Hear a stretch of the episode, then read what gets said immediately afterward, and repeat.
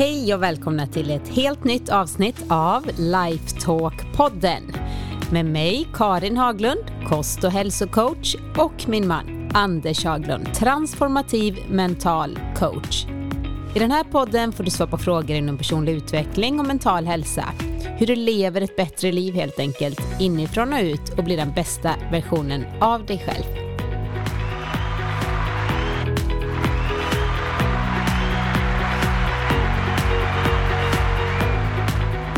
Hej Anders! Hej Karin!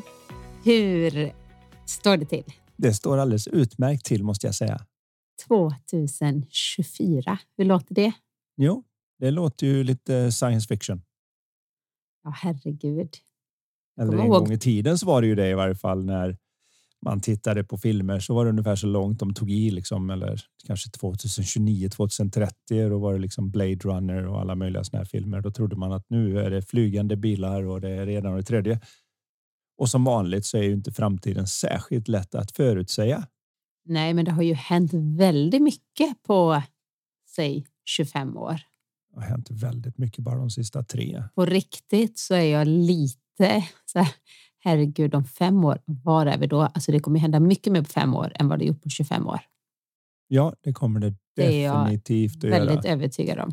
Jag tror att de flesta går med lite skygglappar inför det för att vi människor gillar inte riktigt så snabba förändringar som det kommer innebära när AI blommar ut fullt ut.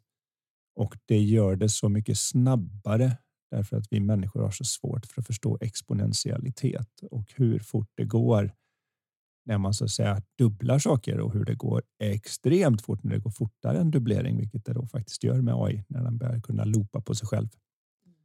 Så ehm, det är spännande tider på alla möjliga sätt. Det är det verkligen. Eh, jag tycker att det har ju varit tuffa år för många och vi får ju hoppas att 2024 nu och det är det lite fokus det här avsnittet. Det är att hur vi kan skapa ett så magiskt år vi bara kan. För vi kan inte rå på dem så mycket i alla fall med de yttre förutsättningarna som alltså AI-utvecklingen. Visst, man kan protestera eller man kan vara liksom delaktig, man kan eh, göra sin röst hörd. Men saker kommer hända.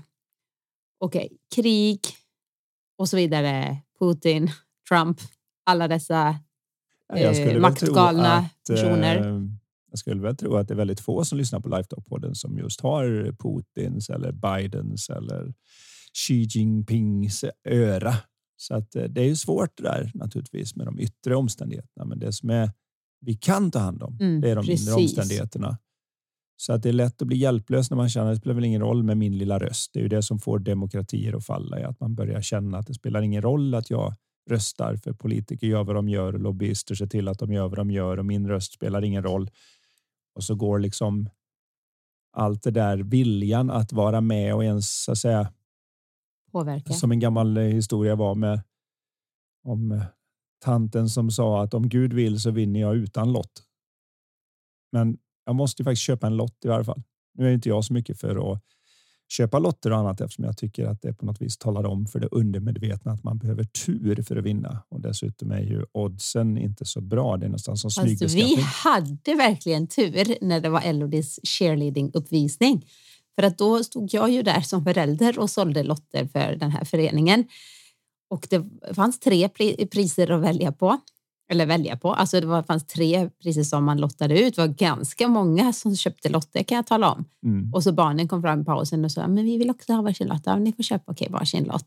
Och sen när de drog de här äh, numren när det var pris nummer två så sa du, men den, den tar vi. Den är bra. Ja. och så var det. Och så var det den. var det vi Får man nästan vann. för sig att man påverkade med sin intention. Eller oh, ja, det är klart du gjorde. Nej, det var Nej, det inte. Men det var, det var tur. Ja, det är alltid kul med kul. tur och jag tror att många framgångsrika människor underskattar hur mycket tur hade att göra med det. Efteråt när man tittar bakåt så kan man säga att det var för jag gjorde det och det och det och det. Men när du var på stället och tittade framåt så är det ju det där som vi sa. Det är ingen som kan förutsäga framtiden. Vi kan vara med och skapa den. Men det är också väldigt mycket timing och tur. Vem som lyckas. Två personer gör exakt samma sak, men det är liksom i inte riktigt rätt tillfälle och så blir det helt olika outcomes. Och jag tror att de som har lyckats väldigt sällan kanske ser hur stor del timing och tur det låg i att man kom dit man kom ändå. Så att Det spelar lite större roll tror jag än vad många kanske tänker. Men det innebär ju inte att man inte gör sitt bästa för att ta kontroll över det man kan vara med och påverka. Och det är precis det som det här avsnittet handlar om. För idag, Anders, så blir det inga frågor Nej. från lyssnarna. Utan jag tänkte vi testar något nytt. För det är okay. nytt år och vi är lite wild and crazy. Vi och vi, men eh, okay. för er som inte vet så brukar ju då Karin välja ut frågor som jag inte vet vilka de är och så ska jag svara på de där lyssnarsfrågorna.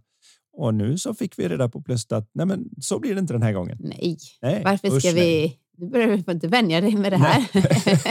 Nej. nej, men jag tänkte så här, Anders, mm. att det här avsnittet släpps ju nu så här precis på nya året. Ja. Och då tycker jag att vi kör liksom tema, målsättning, vision. Hur skapar vi inifrån och ut ett magiskt år? Och det tror jag att väldigt många av er lyssnare vill höra. Så nu bestämmer jag det helt enkelt. okay. Så från och med nästa avsnitt igen så kör vi som vanligt. Okej. Okay. Hur har du tänkt dig då att vi tar oss an det här? Okej, okay, då eh, säger vi så här då. Anders, shoot! Hur skapar vi 2024 ett magiskt år? Ja. Nej, men jag tänker att vi kan ju börja med att berätta hur, till exempel, hur jobbar du själv med målsättning, fokus liksom för året? Gör du ditt eget så här, målsättningsseminarium som jag vet att du har jobbat väldigt mycket med under åren? Eller hur, hur gör du med mål och vision? Jag ska faktiskt ta det lite mer generiskt för att jag har upptäckt att det som är hjälpsamt för en person inte alltid hjälpsamt för en annan. Men det finns vissa gemensamma faktorer som är hjälpsamma för alla. Och jag gillar det där när det liksom är sant för alla människor. Och vad jag under de här 27 åren nu då som professionell coach och föreläsare har upptäckt är ju att sekvensen på hur man gör saker har väldigt stor betydelse. I vilken ordning gör man det? Vi har väl alla ganska klart för oss att det är en bra idé att ha ett mål menar, ska jag ut och springa så kan det vara bra att åtminstone veta vilken väg jag ska springa och hur jag kommer tillbaka igen. Det är ett mål i sig. Vill jag åstadkomma någonting i business så behöver jag också ha en idé. Och varför sätter jag mål? Jag sätter mål för att jag ska kunna samla mina resurser och skicka dem i en speciell riktning för det är mer effektivt. Lite som ett förstoringsglas i solen kan samla ljuset från strålarna och så kan du få det att börja brinna i den här lilla punkten fast du bara hade lite förstoringsglas som de flesta barn kanske gjorde när de var små. Det är själva skälet. De flesta verkar dock tro att de sätter mål för att de ska kunna må bättre. Jag sätter målet för att komma dit och antingen så är det resan dit eller så är det själva uppfyllandet av målet som sen ska göra mig glad. En liten sån checklista. Check Åh, på den. Ja, nu kommer jag liksom kommer jag vara en bättre äntligen. version och ja, men helt enkelt vara lyckligare. Ja. Och och då har man missat vad målet är till för. Målet är till för att samla sina resurser för att kunna använda dem mer effektivt i en viss riktning för att uppnå något man har bestämt. Det är vad mål gör. Punkt. De kan inte göra dig lyckligare, de kan inte göra dig gladare. Men de är väldigt bra för att få saker och ting att hända. Så jag vill bara få fram vad man använder det till. Nummer två som då många missar när de ens ska börja fundera på det här, för många tycker det är att ha nyårslöften eller hur gör vi nu då? Jag vill ju att 2024 ska bli bättre och så börjar de fundera direkt på vad är önskningen? Liksom, vad, vad ska jag ta mig till? Det är oftast enligt mig inte det mest effektiva sättet att ta sig an och få några bra svar. Utan det bästa sättet att få bra svar är att först sätta sig i det sinnestillstånd där man redan vet att man är en mirakelgörare. Att man, vi som människor har förmågan att ta ingenting och göra någonting av det. Det hus vi sitter i en gång i tiden så var det en gräsplätt eller en skog eller vad det var här från början. Och så kom det någon och tyckte men där skulle jag kunna se att det vore ett bra ställe att bygga ett hus. Och så satte de målet om hus och då samlade de ihop resurser i form av trä och spikar och hantverkare och allt vad som behövdes. Och så stod det ett hus och nu bor vi i det ett husbygge är ju verkligen en målsättning. Alltså det är verkligen ett mål och sen så är det massa, massa delmål. Också för många olika människor som är inblandade i det här. Och en sekvens för att få ordning på det så att målaren dyker upp efter att snickaren är klar. Och annars blir det jättetokigt. Annars blir det tokigt och kostar en massa och så blir det problem och man har tänkt till lite grann för och så. Men vad jag är ute efter är just det här att vi människor är mirakelgörare och kan få någonting att bli av ingenting. Och det bästa sättet att, så att säga, sätta sig i det modet innan man ens börjar tänka det är att fundera på vad har jag åstadkommit än så länge i mitt liv som jag är lite stolt över? Någonting som jag kanske innan tänkte det där kommer aldrig hända mig. Det kan vara allt ifrån att jag trodde aldrig jag skulle hitta någon som jag kommer att kunna leva med eller jag kanske inte trodde att jag någonsin skulle klara av att köra bil eller få barn eller det spelar ingen roll vad det är som en gång i tiden så var det bara en löjlig dröm och nu har du det. Men det har blivit för många så vardagsmässigt att man glömmer av att ta en titt på det. Jag skulle till och med uttrycka det lite grann så här att folk är inte alls bra på att prata stolthet flytande. Pratar svenska flytande och engelska flytande och lite annat sånt kanske, men inte stolthet. Och det tycker jag man borde göra först. Jag kommer ihåg bara nu då när våran dotter för ett tag sedan hade uppvisning i eh, cheerleading i Boråshallen som arenan här heter. Man kan vara inomhus. Och så undrade hon när hon fick syn på att jag hängde på väggen där någon ung version. Och så blev jag påmind om att just det, 1986 då vann jag både spanska mästerskapen, Europamästerskapen och fick Boråsmedaljen. Och I golf för er som är nya ja. lyssnare. Och då blev man påmind om att just det, det här har jag ju faktiskt en gång. Det är ju så länge sedan nu. Det var 1986 så vi sätter det här i perspektiv. Det är så länge sedan så att jag hade glömt av det i stort sett tills hon pekar på bilden. Men det är skönt att bli påmind för då satte det igång någonting. Så när jag började tänka på det, då kom jag på lite andra saker. Till exempel när jag blev överstörd av en buss och läkarna sa att jag inte skulle kunna gå mer och jag kämpar mig igenom det och idag kan jag springa och röra på mig. Det är alltid kul att liksom förbluffa du kan springa, läkare. Du kan springa fort. Ja, jag kan springa fort utan att det gör eh, ont och så där. Så att det massa såna små saker i livet som vi alla har gått igenom och klarat av som man kan påminna sig om. Och när man gör det, då kommer man på att en gång så var det här svårt och så lyckades jag med det. Så när jag nu funderar på vad jag ska titta på nu som känns svårt och kanske till och med lite halvt omöjligt. Men jag gör det från den här känslan av att jag har faktiskt lyckats med saker förr så kommer jag både på bättre idéer och de känns mer hoppfulla och det känns någon mening med att skriva ner dem snarare än varför ska jag skriva ner det? här kommer ändå inte hända något. Mm. För just det här med hoppfullhet missar vi ibland, eller ganska ofta vill jag påstå, hur viktig den är och det är därför sekvensen blir så viktig när vi tittar på 2024. Att vi faktiskt tittar på både 23 till att börja med kanske. Mm. Men om det har varit ett halvtaskigt år för en del eh, kan det ju vara liksom eh, och sen 22, 21 och 20 där det var pandemi och elände. Men det spelar ingen roll hur långt bak du behöver gå. Hitta en resurs där du märker att det här har jag lyckats med. Det här har jag klarat av. Trodde inte jag skulle klara den här utbildningen och så på slutet så satte jag mig och tänkte jäklar anamma, jag ska klara detta. Och så fick man till med betyg för att söka in på nästa eller man var på en jobbintervju och så fick man jobbet eller vad det nu än är som du har i ditt liv som du känner att wow, det där var lite coolt ändå. Jag är lite nöjd med att det hände. Inventera dem. Alla bolag gör en inventering på slutet av året för att skriva ner och sånt. Det är inte det roligaste när de gör det, men det är väldigt kul att inventera sin stolthet, att inventera sin tacksamhet, att inventera sin glädje och se vad man har i de kolumnerna. Och där brukar jag också i den här reflektionsstunden när man tar fram det man är stolt över och så vidare, reflekterar över året som har gått eller tiden då man väljer flera år. Men där är jag väldigt noga med att liksom lyfta fram. Okej, okay, hur har jag har liksom utvecklat mig och det är ju ofta motgångarna. Liksom att ja, men 2023, säger vi att det är ett riktigt skitår kanske här för någon. Okej, okay, men hur har jag tacklat det? Vad, vad, vad, vilka styrkor? Vad har jag liksom blivit mentalt starkare för att det har hänt? Och då känns inte det riktigt lika jobbigt året utan bara, men jag har ju faktiskt blivit jättebra på det här med till exempel eh, att ha tå med ett bättre tålamod eller har blivit mer kärleksfull eller jag inser vad, vad som verkligen är viktigt i livet. Alltså de mm. grejerna, de är så viktiga. Check ja. på en liksom, en nytt jobb, bla bla bla. Visst, kul, men förstår du vad jag menar? Det är så stort det här, vår inre utveckling. Ja. Och när vi ser tillbaka att wow, nej men alltså jag klarade det där. Eller jag ställde mig upp och hade den här presentationen. Så nervös jag var. Jag gjorde det. Shit vad stolt jag är och jag har utvecklat de här mentala musklerna. Och som jag ser det då, den än viktigare biten, förutom att det är härligt att dra den, det är att se att jag är den gyllene gåsen som lägger de gyllene äggen i mitt liv. Att jag har förmågan till det. Jag har förmågan att överkomma svårigheter. Jag skulle kunna förklara hela den mänskliga historien med den där enkla meningen att det är möjligheter blandat med svårigheter. Och när vi är på lågt humör har vi en tendens att se svårigheter i möjligheterna. När vi är på lite högre humör så har vi en tendens att se möjligheter även i svårigheterna. Men våran upplevelse av världen och hur den tuffar på, den är en matta av möjligheter och svårigheter hela tiden.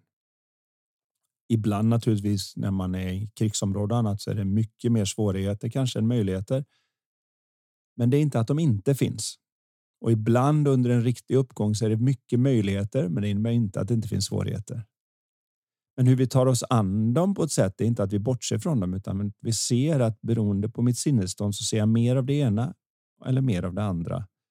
Och ju mer av jag ser av möjligheterna, ju mer har jag möjligheter att ta mig an saker. Så att, att titta bakom de här bitarna med att se att jag är född med förmågan att skapa det här gör att jag tar mig an nästa sak med så mycket mera hopp och tålamod, ödmjukhet och styrka. De här lite djupare sakerna som vi alla vill. Så det, det är min första grej då med att göra 2024 till ditt bästa än så länge. Det är att faktiskt sätta dig och göra en liten inventering av vad är jag nöjd med än så länge i mitt liv. Och visst är det väldigt kraftfullt att också skriva ner sina svar. Helst på papper. Alltså jag gillar att skriva på papper ja. och sen brukar jag i och för sig redan skriva datum och skriva ut det för jag tycker det är smidigare. Då, då har man det kvar. gå igenom det två gånger. Då får man gå igenom det två gånger. Men att man, det är jättebra också att såklart tänka på det. Men det händer någonting magiskt när vi ändå får ner det på ett papper. Och då kan vi dessutom sen ta fram och bli påminda. Påminna oss själva om det här. Vad är våra styrkor? Vad har jag lärt mig av svårigheterna från 2023? Utmaningarna som var. Hur har jag blivit stärkt? Hur kan jag ta med de lärdomarna in i 2024 och investera det så att det verkligen jag lättare kan ta mig an det som ligger för mig det här året. Och om vi väl kan, då kan se att vi är guldgåsen så kan det bli lite intressant att i nästa läge då börja fundera på vad vill jag ha för guldägg i år? Bortse från alla motstånd och svårigheter som alla har mer eller mindre av i sina liv och lite grann bara önska fritt och säga okej, okay, nästa år vid den här tiden. Och jag gjorde en inventering av 2024. Vad skulle jag verkligen vilja kunna ta upp då? Ja, jag skulle vilja ta förändra min jobbsituation eller jag skulle ha mera värme och kärlek i mitt förhållande eller jag skulle vilja eh, Sitta där med mag, och, magrutor ja, och känna att man har lyckats att vara kanske varaktig i sin träning. Så att, ja, eller till exempel skadefri. inte vara varaktig i den, men den här gången studsa tillbaka och börja om. För det är lätt att tänka så här att ja, nu är det nyår och nu ska vi göra en nystart. Men sanningen är att universum bryr sig inte. Vi susar runt solen i 108 000 kilometer i timmen. Men solen åker ju runt centrum av, av våran galax med nästan en miljon kilometer i timmen och vi dras runt i en spiral. Det är lätt att tro att vi bara åker där i en liten cirkel när vi gör den här lustiga dansen, den kosmiska lustiga dansen, den bryr sig inte om att det är nyår nu. Den snurrar ju bara runt, snurrar, snurrar runt. Så vilken dag som helst skulle kunna vara ditt nyår. Absolut. Nu är det väldigt bra att använda just nyår därför att vi människor har lättare i tanken att acceptera förändring när det sker någon form av brott. Liksom inte ett kriminellt brott, men när det, när det är brott i kalendern, brott ja. i kalendern eller det, det, blir någon form av rit där man står och skålar in det nya året och det är lite fyrverkerier och annat som talar om att ja, men det här är annorlunda. Lite som när vi tar oss an andra skeenden i livet där vi kanske när man gifter sig så välsignar man ringar i kyrkan och man gör någonting och samlar en massa människor. Man äter en middag, man håller tal, man gör, man gör på något vis något annorlunda man brukar och dagen efter vaknar man på ett hotellrum och inser att man tittar över att wow, du är min fru nu. Det där är ingen vanlig flickvän. Eh, hur gick det till att mitt, mitt sinne svängde i tanken? Det hade det inte gjort om vi bara hade sagt att imorgon kan du väl vara min fru. På tisdag kan vi inte gifta oss då? Nej, men på tisdag kan du vara min pyjamas. fru. Nej, men på tisdag kan väl du vara min fru? Kan vi äta tacos? Du har varit flickvän fram till måndag, men på tisdag kan du vara fru eller man. Eller, vet, det, det hade inte gett samma effekt. Nej, det, vi bygger ju upp det här Vi bygger en story och därför är den här ganska användbar att ha. Vi använder riter av olika anledningar, även i de svårare delarna. Det spelar ingen roll om det är ett dop när något nytt liv ska in i vår verklighet eller om det är när någon har dött och vi håller en begravning och har en ritual kring det för att klara av att hantera det. Så man går på en jordfästning, man går på en middag, man berättar lite mer roliga och glada historier.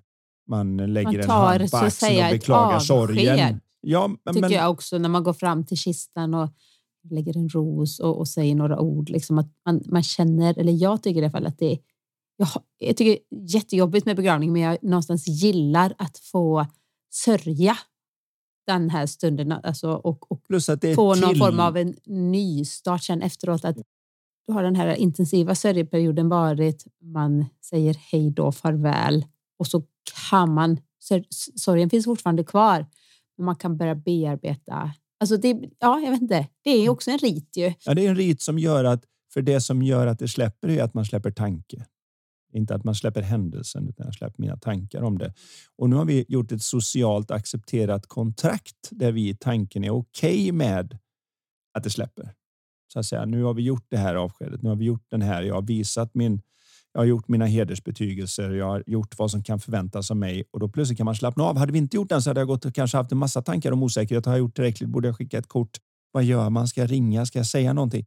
Men nu har vi ett litet protokoll kring det som säger här är vad du gör när detta händer och så kan vi gå vidare. Samma är det när vi sätter våra mål. Vi kan använda den här funktionen i vår mänskliga psykologi och göra lite form av en rit där vi till exempel, jag vet flera vd som jag coachar som åker iväg under mellandagar och nyår och bara tar en vecka i stort sett för sig själva och funderar på vad ska det ta vägen? Hur ska vi göra? Vad händer? Är de singlar då?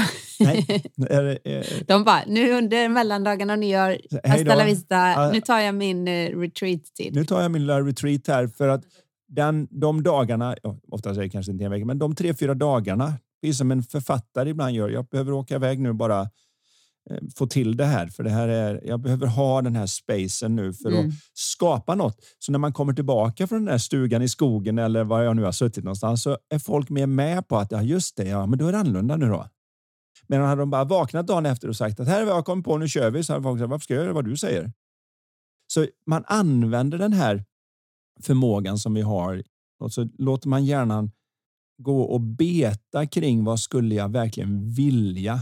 Kom ihåg, vad du faktiskt innerst inne vill slår hundra skäl. Mm.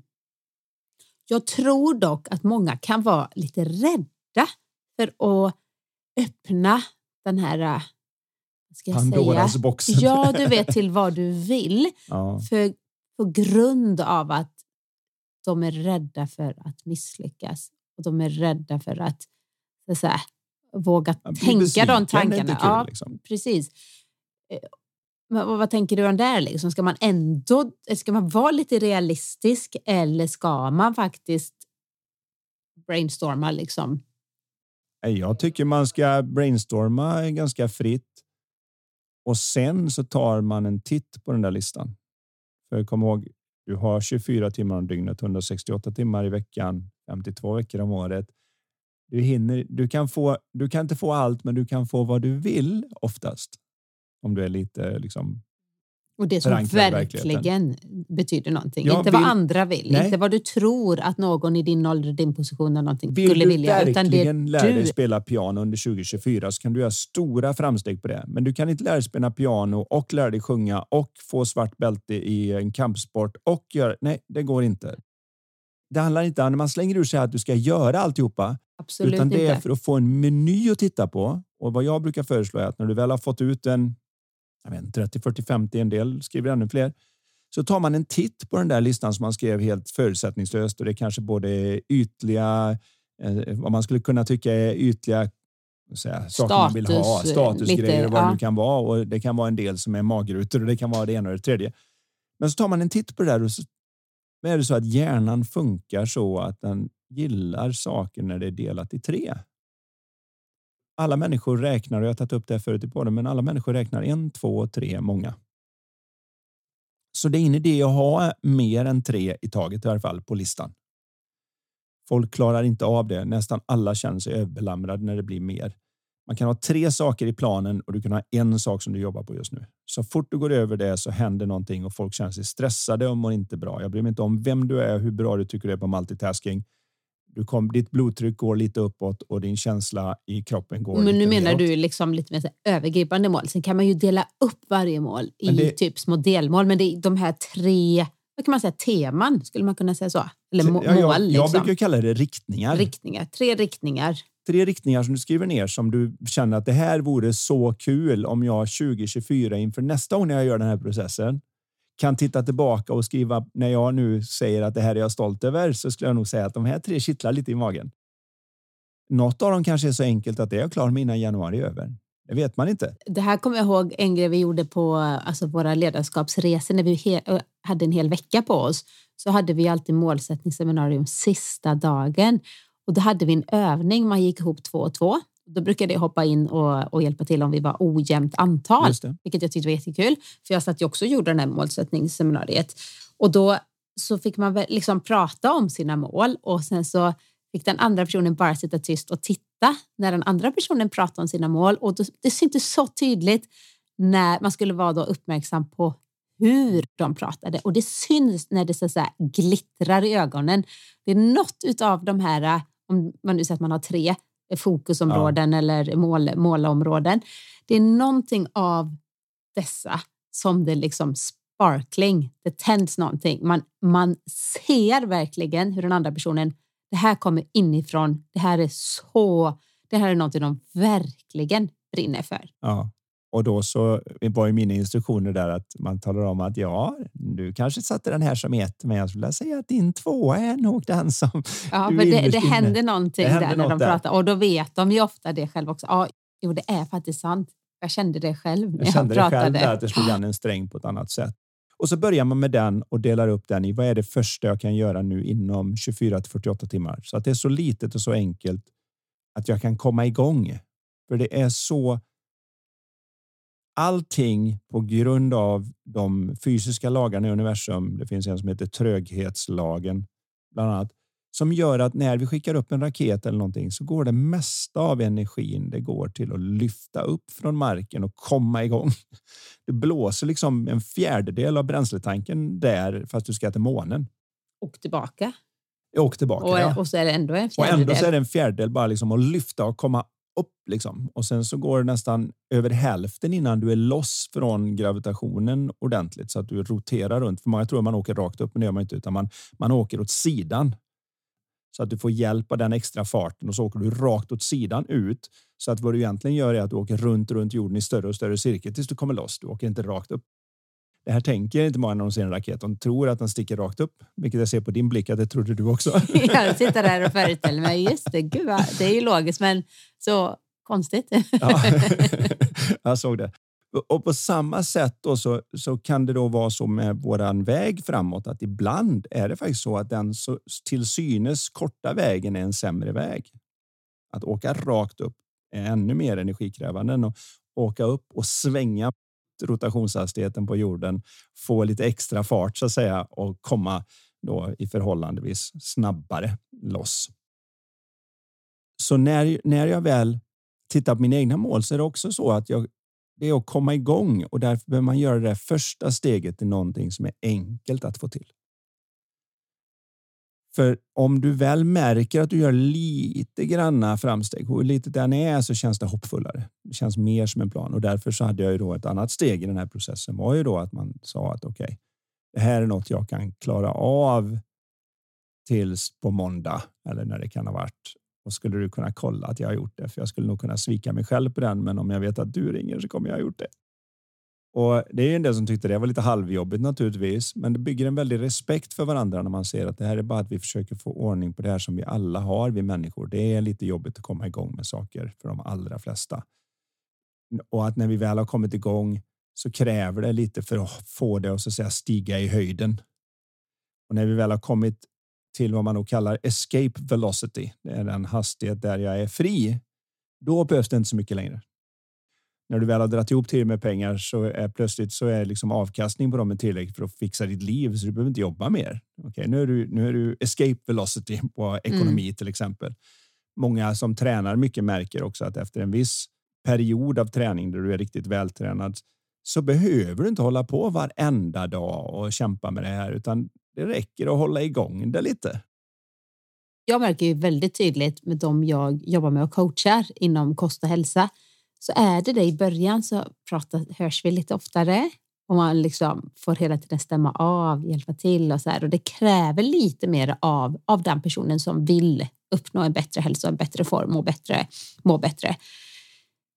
Men det går ganska snabbt. Alltså efter några månader, säg ett halvår, om vi nu jobbar långsiktigt, så är man lite mer där du är. att ja, men Det här funkar, så när vi hörs så hur funkar det med food prepping och maten? Nej, men det funkar bra.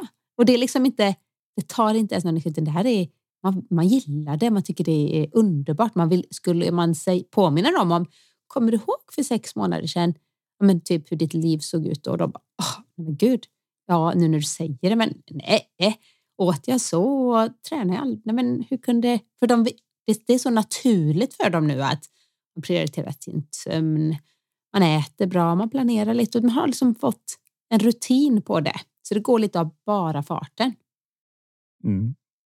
Och kanske den viktigaste biten som man märker som missar är ju det att om inte du händer så händer ingenting. Om inte dina tankar förändras så förändras ingenting. Till syvende och sist så står vi där och det är jag som har ansvar. Det är ingen annan som bryr sig lika mycket om ditt liv. Om du liksom inte har ett pl en plan för ditt liv så passar mm. du in i någon annan människas plan för deras liv och de har inte planerat jättemycket för dig. Och så kan vi känna oss orättvist behandlade vad det nu än är. Men det är det som alltid har fått mig så. Alltså jag funderar verkligen på hur kan folk planera i det, in i det minsta, till exempel eh, en, en eh, fest eller en resa och de sitter och googlar hotellrum och de, alltså de lägger så mycket tid på det. Men så frågar man, men vad är din vision för livet? Alltså vad, vad är liksom de fem typ eller de tre viktigaste? Alltså vad känner du? Vilken, vad vill du att ditt liv ska stå för? Och de bara, eh, va? Jag har aldrig tänkt på. Nej. Och jag kan säga, men det är så mycket lättare att hålla reda på en shoppinglista eller när man ska gå och handla på mataffären eller som du sa när man är det det att det liksom, är det bara att de inte kanske att det inte slår en för att det inte är i. Vi skulle liksom ha, jobba lite mer med det här redan på skolan och inte så tråkiga. Är det ditt mål i religion? I vilket, eh, var ska, hur ska du ha lärt dig? Hur ska du utvecklas? Hur ska du gå från ett C till ett B?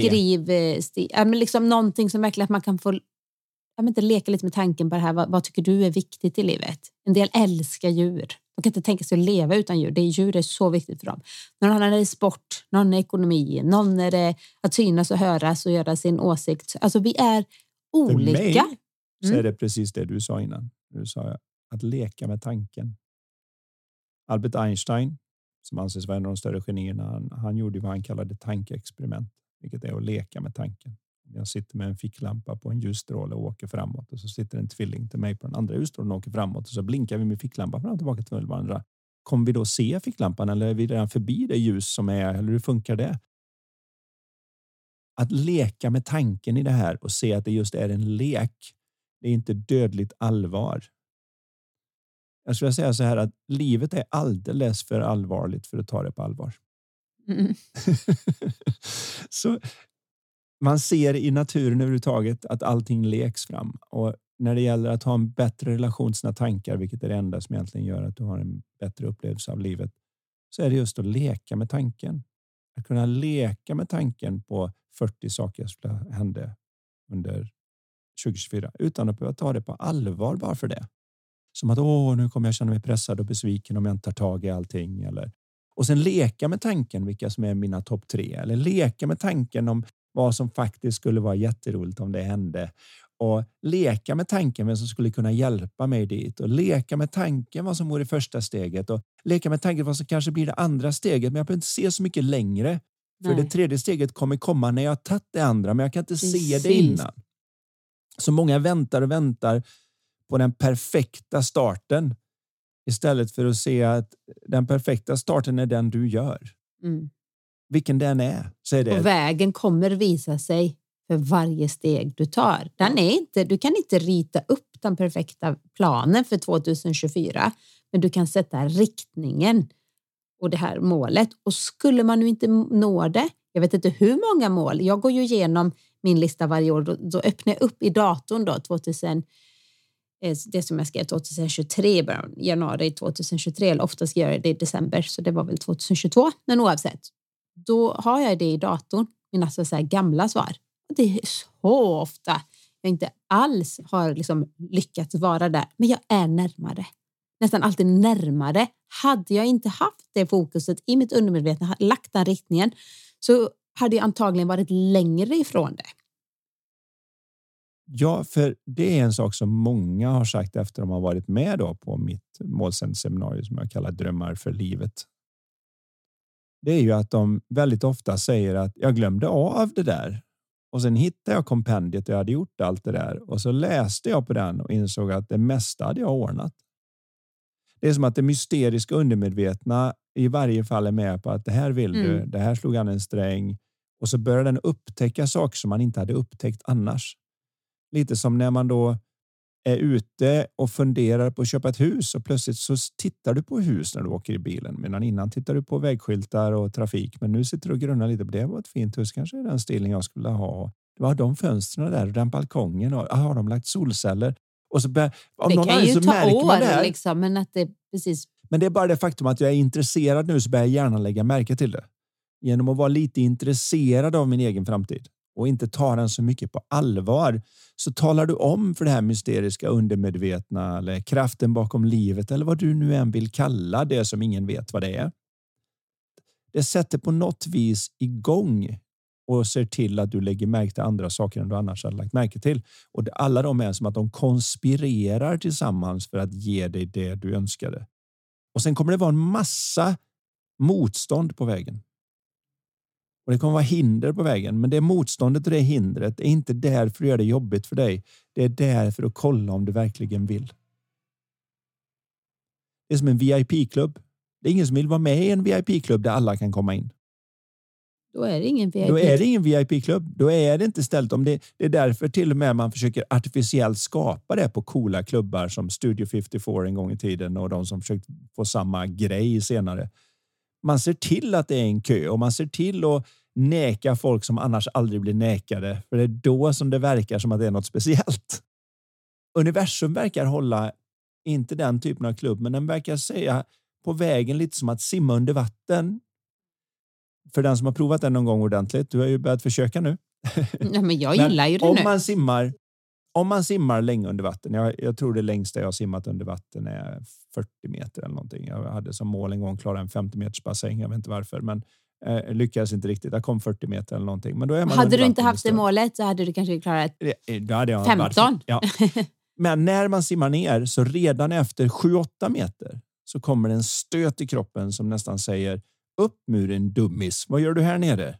Är det här nödvändigt? Och då kan jag med mina tankar säga nej, jag har det här målet. Jag ska dit bort.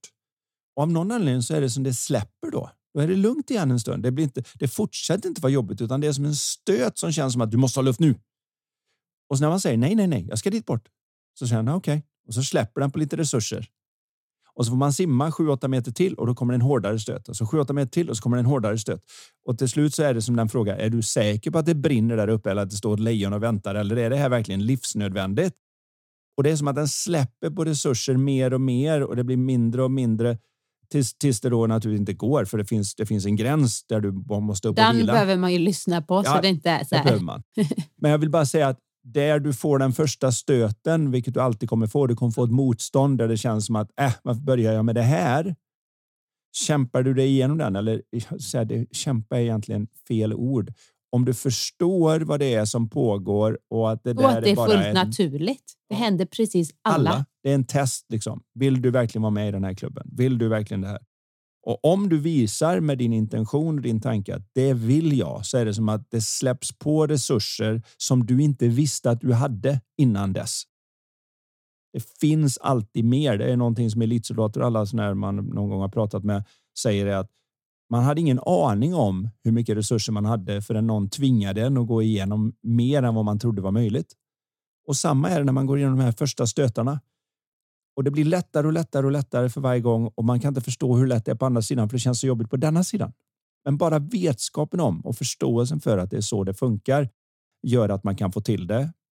Och jag ser nu sitter Karin med ett kort, vilket betyder att vi är lite på Nej, men vi kan. Nej, vi, men, vi kör på. Men jag vill gärna tala om också för er som vill veta mer om det här, för det är ett sånt viktigt område att i mellandagarna varje år i mitt coachbrev så skickar jag ut en mall för just det vi har pratat om nu. Som man också kan ta en titt på. Som det som jag kallar Men om man nu inte Anders. har ditt coachbrev, visst ligger den också som en freebie på hemsidan? Man skriver in sin adress. Ja. Det dyker upp en sån här liten, vill du ha? Vill ha en freebie. Jag vet inte om det är framgångsjournal eller om det är själva Ja, det kanske är som ligger just för det. framgångsjournal. Men oavsett så har jag både i eh, att jag går ut för 2024 så att säga.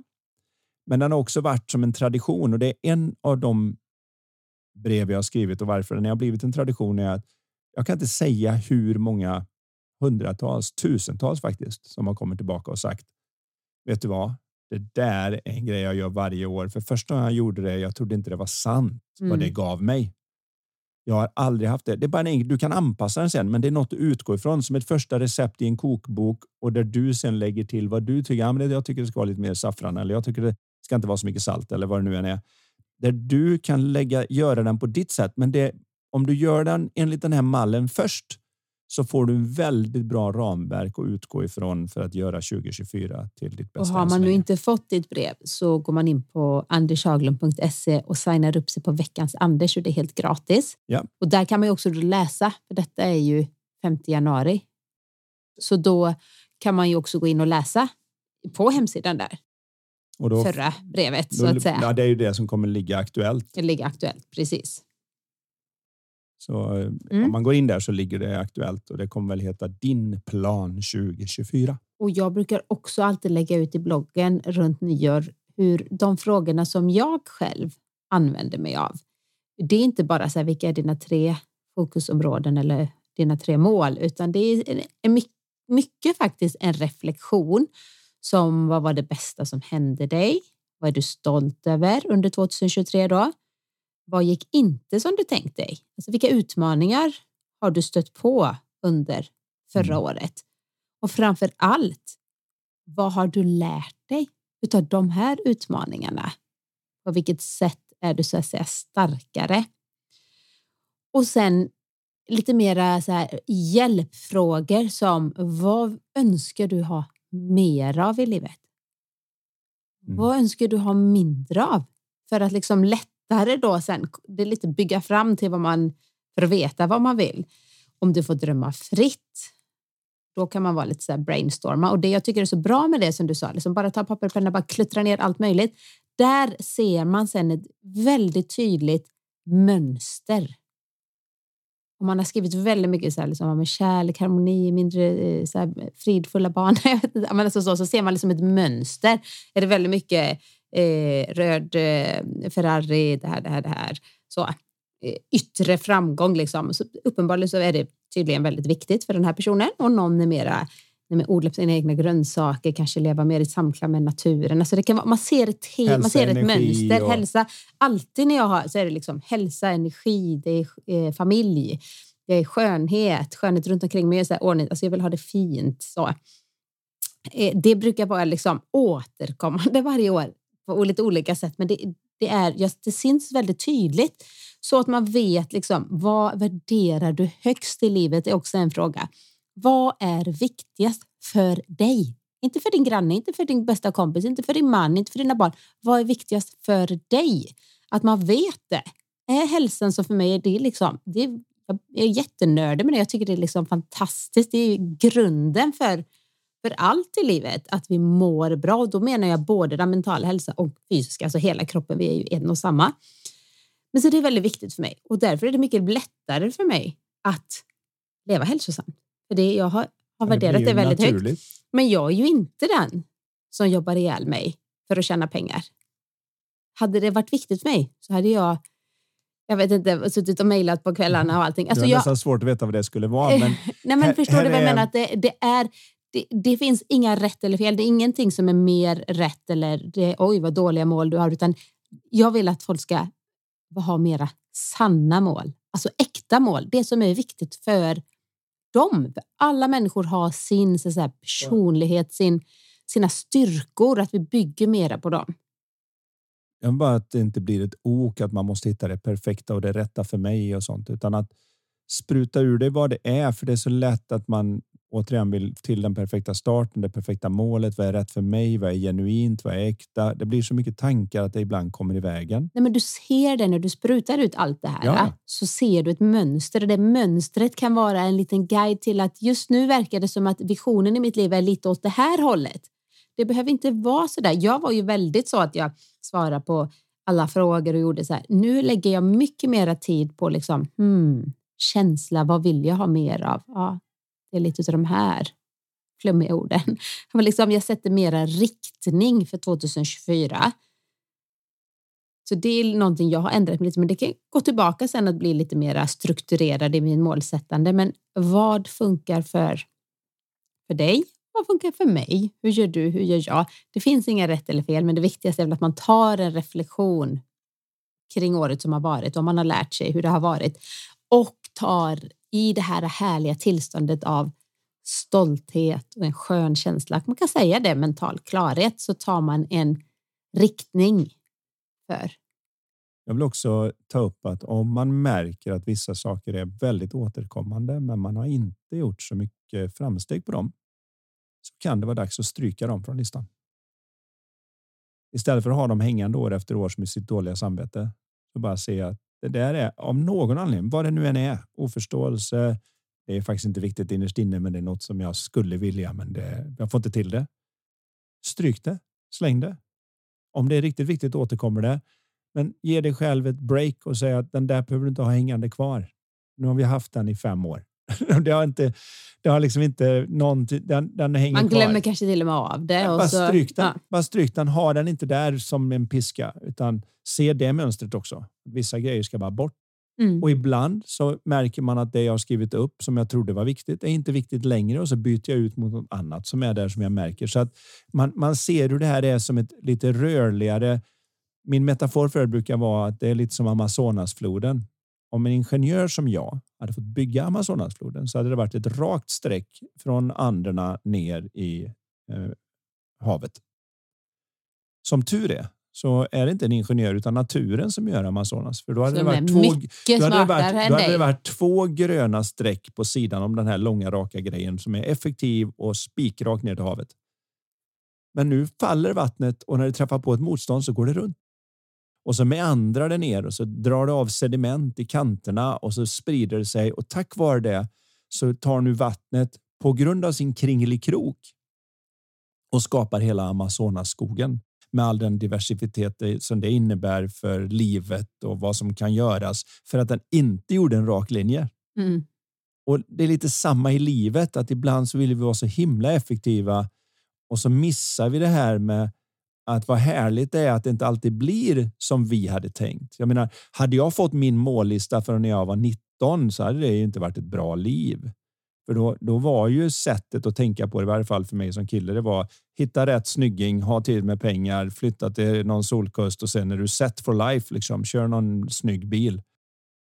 Jaha. Du hade du inte skrivit och jag önskar att jag vaknar upp med en skön känsla skön i magen, känsla. att jag får bidra med värde till andra människor och göra världen till en bättre... Nej, det var tjafs, herregud.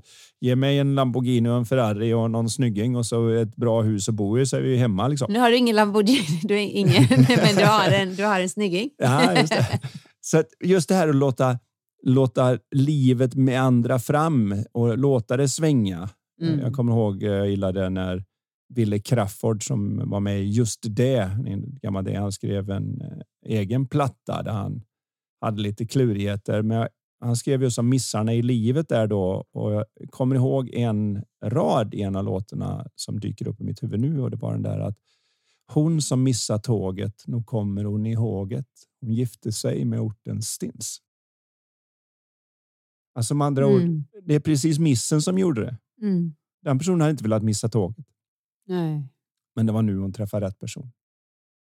Tillåta att livet får komma in. Tillåta livet att rinna till sitt hav. Precis. Och vad vackert. Så bra sagt. Alltså det, det får bli den finaste avslutningen här på det avsnittet. Ja. vi lämnar det där för denna gången. Men vi kör väl ett kort också? Ja, det är klart att vi alltid gör. Det är... För det brukar vi göra. Vi ska inte ändra för mycket här på 2024. Så nu har jag ett kort som jag har dragit från vårt spel som heter Lifetalk. Vad skulle du säga är det riktiga skälet till att du inte gör en del av de saker du vet att du borde göra? Mm, den får du nog upprepa. Vad skulle du säga är det riktiga skälet till att du inte gör en del av de saker som du vet att du borde göra? Mm. Det finns ju inget snabbt och enkelt svar på den, så den kan man filosofera del, över lite. Jag skulle säga att det är en av de viktigaste frågorna man kan ha inför 2024 om man nu vill vara riktigt seriös i sina tankar. Det är att sätt dig och filosofera en kort stund på det här. Vad är några av de saker jag vet att jag borde göra? Och vad är några av de saker jag vet att jag inte borde göra? Och jag vet att det skulle göra skillnad om jag fick till dem. Så har du en enormt bra startpunkt för att få till ett fantastiskt år. Mm. Och det är vad vi önskar för er alla, ja. för oss själva. Och eh, så är vi tillbaka igen med de vanliga frågorna, frågorna. och svaren om ett par nästa veckor. Eh, avsnitt om två veckor. Tack så mycket för idag Anders. Tack Karin.